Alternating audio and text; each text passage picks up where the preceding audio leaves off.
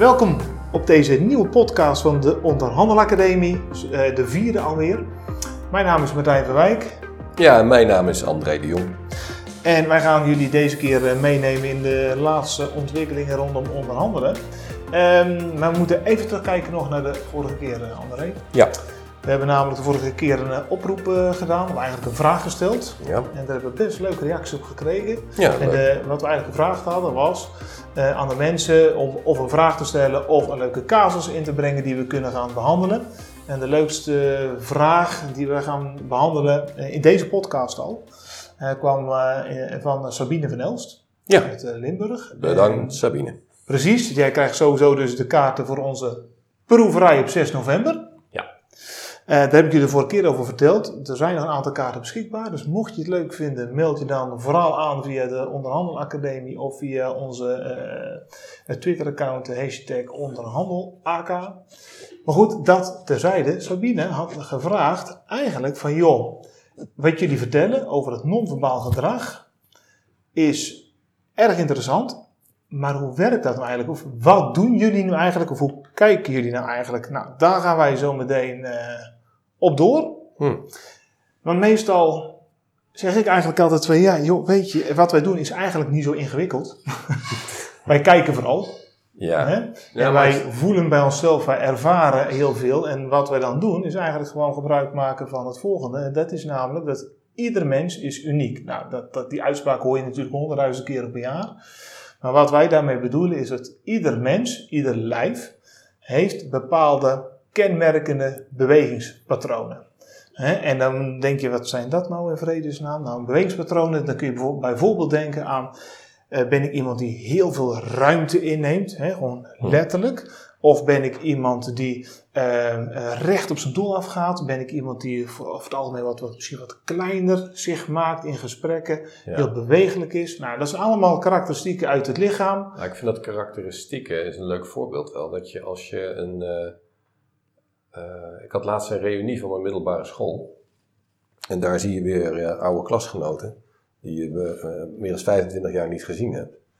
En wat zo opvalt is dat ze eigenlijk nog op precies dezelfde manier bewegen en lopen. Je herkent ze al van verre. Eh, dus er zit iets heel kenmerkends, iets heel karakteristiek in de manier waarop we bewegen, de manier waarop we klinken, staan, kijken. Ja. Dat is heel eigen. Ja. Dat maakt ons ook uniek. Nou, ik, ik woon in, in een dorp. En op de een of andere manier dan, dan, dan zie ik altijd mensen lopen van afstand. En dan weet je eigenlijk al de manier waarop ze zich ja, gewoon, gewoon voortbewegen. Ja, Kun je ze 9 van de 10 keer daar al, eigenlijk al aan, eh, Ja. aan herkennen. ja. Hè? Nou ja, het is ook een wetenschappelijk feit dat we natuurlijk allerlei interpretaties hangen aan de manier waarop iemand beweegt en eh, hoe iemand zich vervolgens ook voelt. Eh.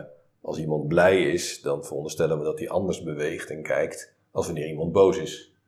Ja. Dus er is, een, eh, er is een, een veronderstelde koppeling tussen wat je, eh, wat je ervaart, wat je aan emoties ervaart en hoe dat eh, aan de buitenkant eruit ziet.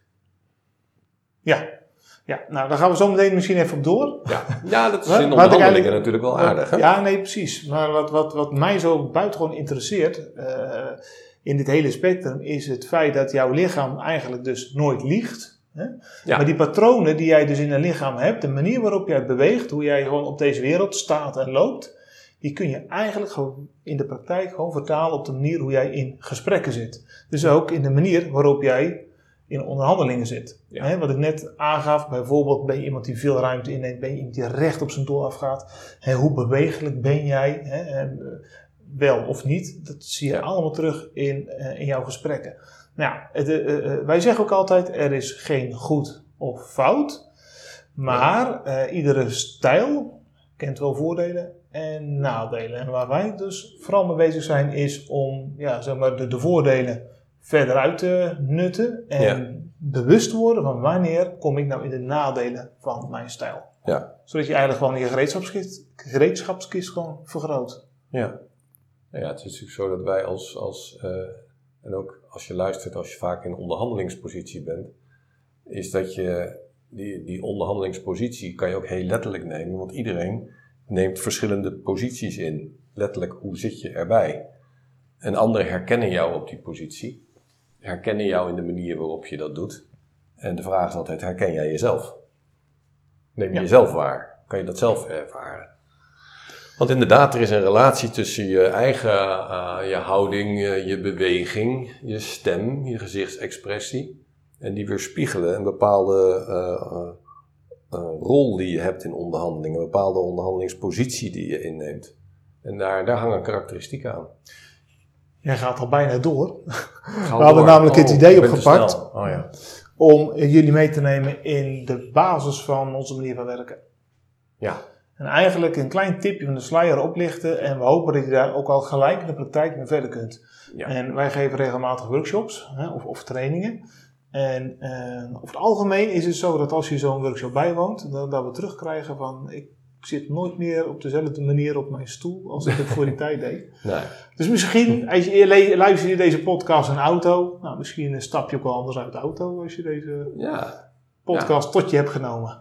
Zullen we anders gewoon eh, de luisteraars meenemen, André? Nou, ik zal eens eh, model? proberen om, het, om dat eh, stap voor stap te doen. En, eh, en nogmaals, het, het uitgangspunt is eigenlijk van eh, ehm, dat je eigen non-verbale communicatie, dus je, je houding, je stem, je, je gezichtsexpressie en, en hoe je beweegt, een relatie heeft met wat je eigenlijk denkt en wat je voelt en met je onderhandelingsstijl.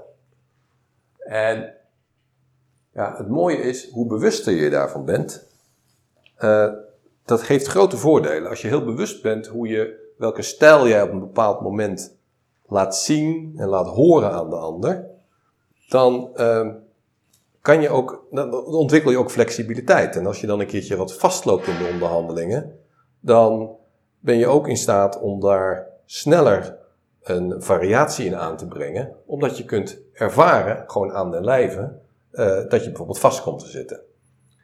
Dus dat geeft een enorme eh, kansen om zelf interventies te doen op de onderhandelingen hoe ze gaan. Ja, want volgens mij bedoel jij ook, we herkennen vast wel dat hm, eh, je hebt een gesprek, kan onderhandeling zijn, hè, met, eh, met eh, maakt niet uit met wie, maar in dit geval laten we zeggen zorgaanbieder, zorgverzekeraar. En je hebt meestal altijd wel eh, mensen waar je eerder mee vastloopt dan met Ja. anderen. Je hebt altijd gesprekken dat je denkt van joh, ik heb met die verzekeraar of met die aanbieder of met die gemeente heb de een ene gesprek en het dat goed en de andere is Precies, gaat elke dat- keer hetzelfde. Ja. ja. juist, precies dat. Hè, En ehm, het zou zomaar kunnen zijn dat daar waar je vastloopt, dat je dus in de nadelen van je stijl terechtkomt. En niet zelden ben je dan ge- geëscaleerd. En wanneer escaleer je? Eigenlijk als je meer van hetzelfde doet. Als iets niet werkt en je bent niet in staat om iets anders te doen, ja. dan ga je dus meer doen hetzelfde. Ja, op een gegeven moment eh, loop je vast. En wat, wat krijg je dan in de praktijk? Dan loopt een gesprek met je dood en je komt tot de conclusie. We spreken elkaar over een paar dagen. Hè, we doen even een Ja. conference call of we moeten een nieuwe afspraak inplannen. Maar het levert altijd onbevredigende gevoelens op. Juist. Ja. En meestal geen resultaat. Eh, Of, of afhankelijk van je stijl, en, en- Ja, zo wil je een resultaat inkoppen waar je never nooit meer blij van wordt. Ja, of een wat smaakloos compromis. Ja, precies. Nou, dus om daar uit die nadelen te blijven, ehm, hebben we iets bedacht, een trainingsmethode bedacht, ehm, die je enerzijds dichter bij je eigen onderhandelingsstijl houdt, dat je dan langer in de voordelen blijft en dus er ook het maximale uithaalt, maar ook invloed hebt op die dynamiek, zodat je samen tot een optimaal resultaat komt. En dat ehm, probeer een klein tipje van de sluier op te leggen, want ehm, wat je zou kunnen zeggen is, ehm, als je in onderhandelingen zit je vaak op een stoel. En daarin heb je eigenlijk, we doen dan net even of je er twee smaken in hebt. De ene smaak is dat je daar, als je in die stoel zit, kun je eh, wat meer in een voorbalans zitten. Dus dan neig je wat meer voorover, richting de tafel of richting de ander. Of je neigt wat meer naar achteren. En dan voel je eigenlijk wat meer die stoelleuning. Eh, dan zit je met je rug daar ook tegenaan. En wat je in de praktijk ziet, is dat mensen nou bewegen in zo'n stoel, maar we hebben ook een voorkeur. Dus je zou voor jezelf, als je dit nu hoort, kunnen nagaan, waar ligt jouw voorkeur? Ben jij iemand die eigenlijk wel wat voorwaarts neigt, of wat meer achterwaarts neigt? Nou, Ja, en je weet inderdaad, hè, eh, je doet bijna altijd beide. je doet het altijd Ja. beide, en toch heb je een voorkeur. Ja, precies. Dus een enkeling die zit kaarsrecht in het midden, maar meestal heb je een voorkeur. Dat is de ene dimensie. De andere dimensie is uh, je mate van spanning. En daar bedoel ik ook mee de, je spierspanning. Of een, een hoge adem, dat, is, dat duidt ook vaak op een hogere spanning. Dus dan zit je ook vaak wat, uh, wat rechter op. Uh, wellicht ook met een tikje met een holle rug. Um, de benen zijn ook wat gespannen, dan kan je ze ook wat tegen elkaar aan hebben, of wat, wat geforceerd uit elkaar. Dan zie je wel flinke spanning op je lijf. Uh, maar dat kan ook mensen zijn die wat weer in een onderspanning zitten. En dan zit je wat meer, uh, iets meer ingezakt. Dan zit je adem ook vaak wat lager. Rondom je borstbeen zak je wat in. Schouders hangen een beetje. Een, lagere spanning. Nou, dus het is natuurlijk niet, het is zelden zo dat het het een of het ander is. Ook daarin bewegen mensen, maar ook daarin heb je een zekere voorkeur. Of je neigt naar een wat hogere grondspanning, of naar een wat lagere grondspanning. Dus dan krijg je eigenlijk vier smaken. Je hebt, uh, of je herkent jezelf vooral in een achterbalans, of vooral in een voorbalans, of je herkent jezelf in een hogere spanning of in een lagere spanning. Precies. Nou, dit is een, en alle mengvormen ertussen. Nou, het is natuurlijk veel te sterke versimpeling. Maar voor de duidelijkheid zou je kunnen zeggen van maak eens een keuze. Waar denk je dat je uh, vooral op uh, herkenbaar bent? In de wetenschap dat het bijna altijd mengvormen zijn, maar iets heeft de overhand. Nou, als je in een, um, um, zeg maar in een, laat maar beginnen met een wat hogere spanning zit. Dus dat is opgericht, uh, schouders wat naar achteren, een tikje een holle rug, een wat hogere adem. Niet extreem naar voren of naar achter, redelijk in het midden. Vanuit die positie ga je onderhandelen. Nou, wat je heel vaak ziet, is dat het een stijl is die, uh, nou, uh, je bent alert op wat er gebeurt, je toont initiatief, je houdt wel van snelheid. Vaak is ook een mentaliteit, eerste klap is een daalder waard. Soms een tikje provocatief, een tikje opportunistisch. Dat zijn stijlen die bij deze non-verbale expressie horen. Die hogere spanning. Nou, wellicht herken je dat bij jezelf. Van, hé, hey, joh, dit, dit heb ik wel. De tegenovergestelde is als je in je spanning helemaal zakt. Helemaal laag in je spanning komt. Uh, waardoor je soms iets naar achter, soms iets naar voren. Eigenlijk ben je ook best bewegelijk in zo'n stoel. Het is wat trager. Uh, vanuit die onderhandelingsstijl uh, ja, kan je ook heel makkelijk ruimte geven aan de ander. Uh, je kan, het oogt ook heel geduldig. van conflicten, daar hoef je niet zoveel te hebben, die kan je heel makkelijk ontwijken. Herkent misschien wel dat je wat idealistisch bent, wat principieel. Ja, en wat je hier ook wel ziet, is dat er een stukje twijfel of onduidelijkheid op kan treden. Ja, ja het is nooit... als deze mensen onder druk komen te staan, dan zie je dit vaak wel eerder terug. Ja, er is, twijfel is ook een teken van intelligentie, zegt ze dan. Heel goed. Uh, er is maar er is nooit, is, het is nooit zwart-wit. Nee. Nou, je kunt gevoelig zijn voor druk in zo'n situatie. Dat je, misschien herken je wel dat je dat ook dan wat soort dicht kan klappen. Dan ga je eigenlijk nog verder om in onderspanning. En dat je een beetje uit de wedstrijd bent. Je zit er nog wel bij, maar het hele onderhandelingsspel gaat aan je voordeur voorbij. En meestal is het omdat het je overvalt of dat er iets je heeft geraakt, maar het wordt een even te veel. En weet je wat je dan nog eens ziet gebeuren, André? Nou. Eh, is dat als je dan, misschien kun je je dat ook wel voorstellen. Je hebt dan twee partijen of twee mensen. Vaak zitten ze tegenover elkaar.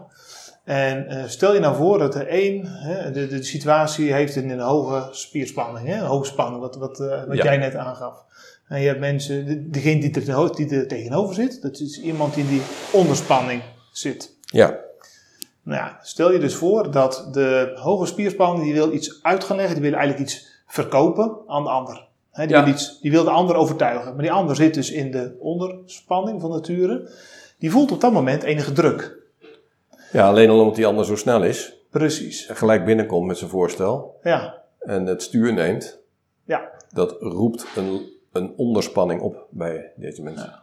En voilà, wij zien een begin van een mogelijke escalatie ontstaan. Ja, want die, diegene die het initiatief neemt, die wordt ongeduldig omdat die ander niet reageert. Precies. Dus, dus als, je, als je ongeduldig wordt, dan ga je juist nog meer snelheid maken. Ja, je gaat het nog een keer uitleggen. Je gaat het nog één keer uitleggen. Ja. En als je de, tegen, de andere partij steeds verder in een onderspanning ziet zakken, dan zou het dus kunnen duiden ehm, eh, dat hij bijna helemaal niet meer luistert naar je. Dat zou zomaar kunnen dat dat gebeurt. Ja. En dit zijn dan eigenlijk die gesprekken die eh, gaan meestal als een nachtkaarsje gaan die uit. Eh, allebei gefrustreerd. Alle twee met een klacht, ja. Ja, want eh, de, degene van boven de hoge spierspannen die, die verwijt de ander van hallo eh, Ja. kom je nog eens, doe je we, mee? nog, gaan we nog wat doen? Gaan we nog wat doen? Ja. En de andere kant van de tafel denkt, hallo, laat het, er- wat gebeurt hier? Nee, de klacht is van ik krijg geen enkele ruimte en hij is absoluut niet geïnteresseerd in wat ik te vertellen heb. Ja. Dus laat maar. Dus laat maar, precies. Een zeer onbevredigend gevoel, wat je altijd weer meeneemt naar een volgend gesprek. Ja. Nou, de kans zit erin dat hij gewoon zwaar escaleert. Of implodeert is misschien wel een beter woord. Want ja, het, het gaat als nachtkaarsje uit. Ehm, en misschien herken je dan ook wel dat in zo'n situatie, jij gaf het net eigenlijk al een beetje aan André, dat diegene die met hoogspierspannen gaat alleen maar harder werken. Maar het effect is dat de andere kant alleen maar steeds stiller wordt. Ja, of eh, het, eh, het, Het is, het, is, je- het is een beetje eh, eh, het kip of het ei, hè? Het is gewoon een dynamiek die op elkaar inwerkt. Ja, nee, er is geen, er is geen schuldige. Er is, er is hier geen schuldige. Dat is gewoon zo als het gaat. Het is Ja. het ene gedrag, het ene non-verbale gedrag roept het andere non-verbale gedrag op. De ene, ene houding roept de andere houding op. De ene beweging roept een andere beweging op. Maar goed, wij zijn wel van de oplossingen wat dat betreft. We zijn van de oplossingen. En dus als je dat, de- een oplossing hier zit, in ieder geval om te starten, eh, te, eh, eh, te ervaren dat het zo werkt. Dat kan je aan den lijve ervaren. En op het moment dat je dat aan den lijve ervaart, heb je allerlei interventiemogelijkheden. Je kunt om te beginnen eens een keer anders gaan zitten. Of je kunt, als je dat ervaart, kan je ook zeggen dat je, kun je gaan benoemen wat er nu eigenlijk gebeurt in de dynamiek. Of je kunt je wat meer bewust zijn van je eigen behoeften. In dit geval als je eh, wat meer in die bovenspanning zit. Dat je aangeeft, joh, ik zou graag willen dat je met me meedenkt. En dat je zelf ook met een idee komt. Ja, maar risico, daar zit een risico in. Want Altijd. als je dat zegt, zet je eigenlijk daarmee de ander onder druk. En als je lekker ver weggezakt is, om zo maar te zeggen, dan, en uit, Ja. uit de wedstrijd, dan zal hij daar niet op reageren. Nee, maar je kunt wel bewust zijn dat als je ander zo ver onderuit gezakt zit. Dat je dan een belang hebt dat hij een beetje naar, naar voren Ja. komt. Als je dit signaleert, dus een van de interventies die je zou kunnen doen, is schors. Ga even buiten lopen, een bak koffie drinken, Bijvoorbeeld. bijvoorbeeld. En, en waarom eigenlijk? Is om die ander in beweging te krijgen. Nou, dat je hem even de tijd geeft om de boel op een rijtje te zetten. Ja. Zijn gedachten en zijn gevoelens te ordenen. Zodat hij weer bij je terug kan komen. Nou, dit is de variant van eh, eh, hoge en lage spanning. Dan heb je nog een variant van de variatie van neig je in je balans wat naar achter, richting eh, de rugleuning, of neig je wat meer naar voren, zeg maar, richting tafel. En beide posities hebben ook weer zo zijn voor- en nadelen en ook weer kenmerken. Vanuit een, een achterwaarts positie is het grote voordeel is dat, gewoon ook heel fysiek, is dat je onmiddellijk meer overzicht hebt. Je ziet letterlijk meer wat er gebeurt. Nou, als je dat meer ziet, dan ben je doorgaans geneigd om ook, eh, eh, ben je analytisch meestal sterk. Eh, je ziet de logica van dingen, of beter gezegd, je ziet wanneer het niet logisch is. Want je hebt een hoog kritisch vermogen, je hebt een behoefte aan structuur, je bent ad rem. Je hebt een heel eigen geluid. Als de hele meute rechtsaf gaat, dan ben je niet te behoord om te benoemen dat linksaf ook wel een goed idee is.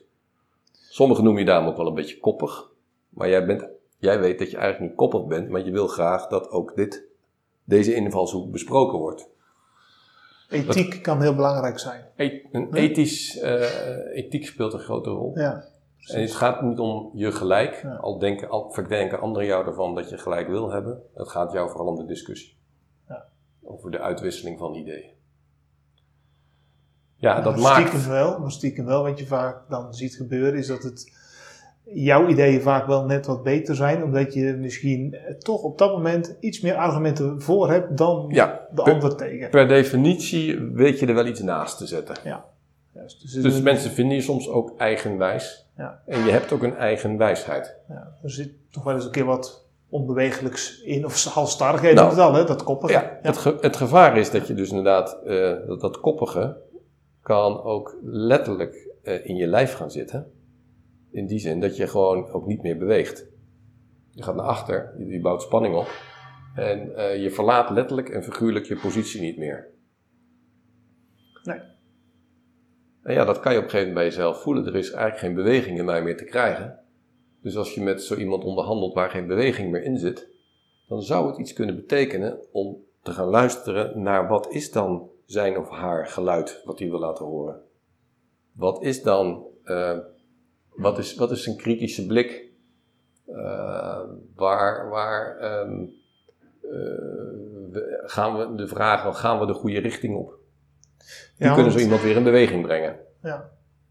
Hoe zie jij het? Oké, maar daarmee zeg je eigenlijk om uit een mogelijk impasse te komen, zo'n zo, zo'n wedstrijdje argumenten uitwisselen. Ja. Hè, of dat, dat iemand zich halstarrig kan opstellen. Dat, dat, dat, dat kun je weer in beweging krijgen door eigenlijk de ander echt uit te nodigen. Of echt Ja. ruimte te geven. Ja. Ja, Nou- daar doe je er ook verstandig aan Ja. om niet gelijk weer met de wereld te komen. Dat, is, d- dat, dat kan als je maar bewust bent dat je het doet met, met de intentie om eh, eh, eh, De ander te horen. de ander te horen, om eh, dingen aan te scherpen.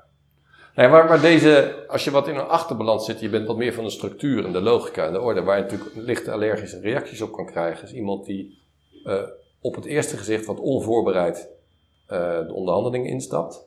Eh, in principe voorwaarts gericht is, bewegelijk, gerichtheid is op van hoe kunnen we dit nou samen uitzoeken, onderzoeken, nieuwsgierig. Eh, het, kan, het, het, is wat ongestructureerd, het vliegt alle kanten op. Ehm, maar er zit een sterke eh, drang in, samenwerken, eh samenzoeken, geven en nemen. De persoonlijke relatie is belangrijk. Dat is waar het over gaat. Voor de mensen die zich herkennen in zo'n wat meer voorwaartse ehm, gerichtheid. Tikje ongeduldig wil het ook wel zijn. Er moet, beweging is je belang. Eh, relatie is je belang. Dat is een heel ander belang als van mensen die wat meer naar achter zitten. Dat gaat, ja, die relatie dat is mooi, maar als het maar een zekere logica heeft, een zekere agenda heeft, een structuur heeft en duidelijkheid heeft. Dus dat lijkt op het oog een tegenstrijdig belang. Het, het, grappige van dit misschien wat simpele model, hè, we kunnen Ja. er heel veel nuances op aanbrengen. En ik hoop dat jullie ons dat ook vergeven voordat we het nu niet besproken hebben. Maar het zal je dus ook niet verbazen dat iedere eh, stijl, hè, met hoge spanning, lage spanning, voorbalans, achterbalans, daar zitten, er, hè, wij, spreken nooit van goed of fout, maar iedere stijl heeft zijn voordelen. Hè, Nee, maar het is heel goed dat je dat en benadrukt. zijn nadelen. Nee, maar het is echt niet zo dat een wenselijke stijl is. Dit is gewoon, dit zijn, dit is een veel te grofmazige indeling eh, in stijlen. Want er zijn heel veel verschillende mengvormen. Ja, precies. En bovendien schakelen mensen ook vaak in verschillende stijlen. Maar er is vaak een dominante stijl. Er is een, iets wat jou kenmerkt. Net zozeer is jouw stijl is net zo kenmerkend als hoe jij beweegt en je verhoudt. Letterlijk in je houding Ja. in de onderhandeling. Ja, is. en wij weten dat als je mensen onder druk zet, dat ze eigenlijk, hè, en hoe meer druk je zet, dus de, meer dat ze eigenlijk terugvallen op hun meest dominante stijl. Ja, je krijgt vaak meer van hetzelfde. Dus je gaat Ja. nog sterker naar achter, of je gaat nog verder voorwaarts bewegen, of Ja. je bouwt nog meer spanning op, of je bouwt Ja. steeds minder spanning op. En dat zijn beide ervaringen die je kunt eh, waarnemen bij jezelf. En dat is eigenlijk dan ook wel onze belangrijkste invalshoek. Het is, niet, is interessant om dat bij de ander waar te nemen. Het is alleen veel en vele malen eh, zinvoller om te starten bij jezelf omdat je zelf in staat bent om de dynamiek van zo'n gesprek te veranderen. Nou, wat is jouw voorkeurstijl, wat dat betreft? Maar als je daar, zoals wij met, onze trainingen eigenlijk altijd doen, is, we gaan terug naar de basis. Dus wat is jouw voorkeurstijl? En dan krijg je heel snel ook inzichtelijk hè, waar je ook gevoel voor hebt voor die andere stijlen. Dus wat wij gaan doen, is dan jou meehelpen om die andere stijlen ook te ontwikkelen. Want het zal je inmiddels misschien niet verbazen dat deze stijlen, jouw persoonlijke stijl, in een bepaalde fase van een onderhandeling soms in je voordeel werkt en soms in je nadeel. André, jij gaf net bijvoorbeeld aan die, die, die voorwaartsgerichtheid, die, die bewegelijkheid. Dat, uh, um, dat is een hele welkome stijl als je in de beginfase van een onderhandeling zit. Want Ja. dan ben je aan het verkennen, je bent aan het bewegen. Goh, hoe zie jij dat nou? Hoe zie ik dat nou? Waar kunnen we elkaar vinden? Uh, hoe gaan we de posities uh, bepalen? Ja.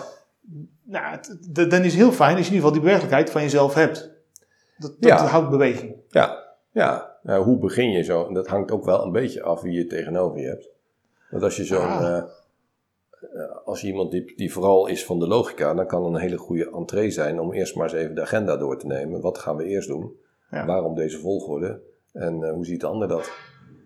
Nou, en ik bedoel, eh, dan kun je je ook voorstellen dat als je dat dan gedaan hebt, dat je in ieder geval de ander echt actief zijn podium moet geven. hè, Die als het ware het podium geeft om de ruimte te laten pakken, zodat hij Ja. ook zijn geluid kan laten horen. Ja, Kijk, en mag er dan vertrouwen dat jij wel, vanuit je bewegelijkheid, hè, die, die, die, die, die, die dynamiek wel inhoudt, die beweging ja inhoudt. precies. Maar goed, Ja. aan de andere kant eh, kun je je ook voorstellen, als je op een gegeven moment de deal moet sluiten, ja, dat de enige halstarrigheid soms wel heel wenselijk is. Ja. Want daar kan bewegelijkheid wellicht eh, ja, tegenwerken, want dan ga je het misschien iets weggeven wat je eigenlijk niet had Ja. weg willen geven. Ja, de, de, de kern van wat, wat jij nu zegt en wat we eigenlijk zeggen is: eh, welke onderhandelingen je ook zit, of het nou met je eigen kinderen is, of met je baas, of eh, met, de, met de zorgverzekeraar of met de zorgaanbieder.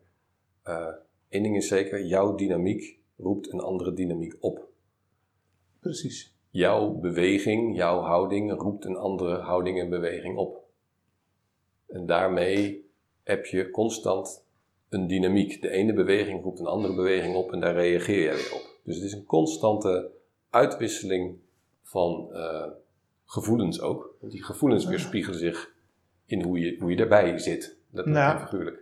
Informatie. Je, je hebt continu nieuwe informatie die jou helpt om meer succes te halen uit jouw gesprek, uit jouw onderhandelingen. Ja. Je loopt, nou, dat is de ervaring en inmiddels echt de diepe overtuiging die wij inmiddels gewoon zien, is dat je je echt helpt om uit je escalatie, uit een impasse te komen. Nou, je, dit, de grootste waarde is eigenlijk dat je een heel makkelijke, of makkelijke, het is gewoon wel omdat je bloed, zweet en tranen, want dit, dit leer je niet zomaar, maar dat je vooral eh, in staat bent om goed bij jezelf te blijven. Wat zijn jouw belangen? Hoe zit je in de wedstrijd? Authenticiteit. je hele eigen authenticiteit, je eigen stijl, dat je die ook trouw blijft. En hoe trouwer je daaraan blijft, daarop, eh, dat levert enorm veel eh, winst op in de kwaliteit van de onderhandeling die je met de ander voert. Ja. En dat is een kunst op zich, want veel mensen die zijn zo gericht op een resultaat, of zetten zich vast op een strategie, of proberen de ander in een bepaald gedrag te krijgen. Dat zijn allemaal eh, gerichtheden die buiten jezelf zijn. En eh, dit is een manier om eerst maar eens te starten met jezelf, waardoor je in ieder geval het beste uit je eigen onderhandelingsstijl haalt. Misschien nog aanvullend hierop. Gisteren, het is nu donderdag, gisteren hadden wij een, eh, een, eh, een groep hè, vanuit onze inschrijf, open inschrijftrainingen. Waar zijn André en ik gisteren bezig geweest. En er kwam één voorbeeld naar voren, die vond ik heel kenmerkend voor wat jij nu zei. Ja. Die vertelde namelijk dat, eh, die was met een collega in onderhandeling.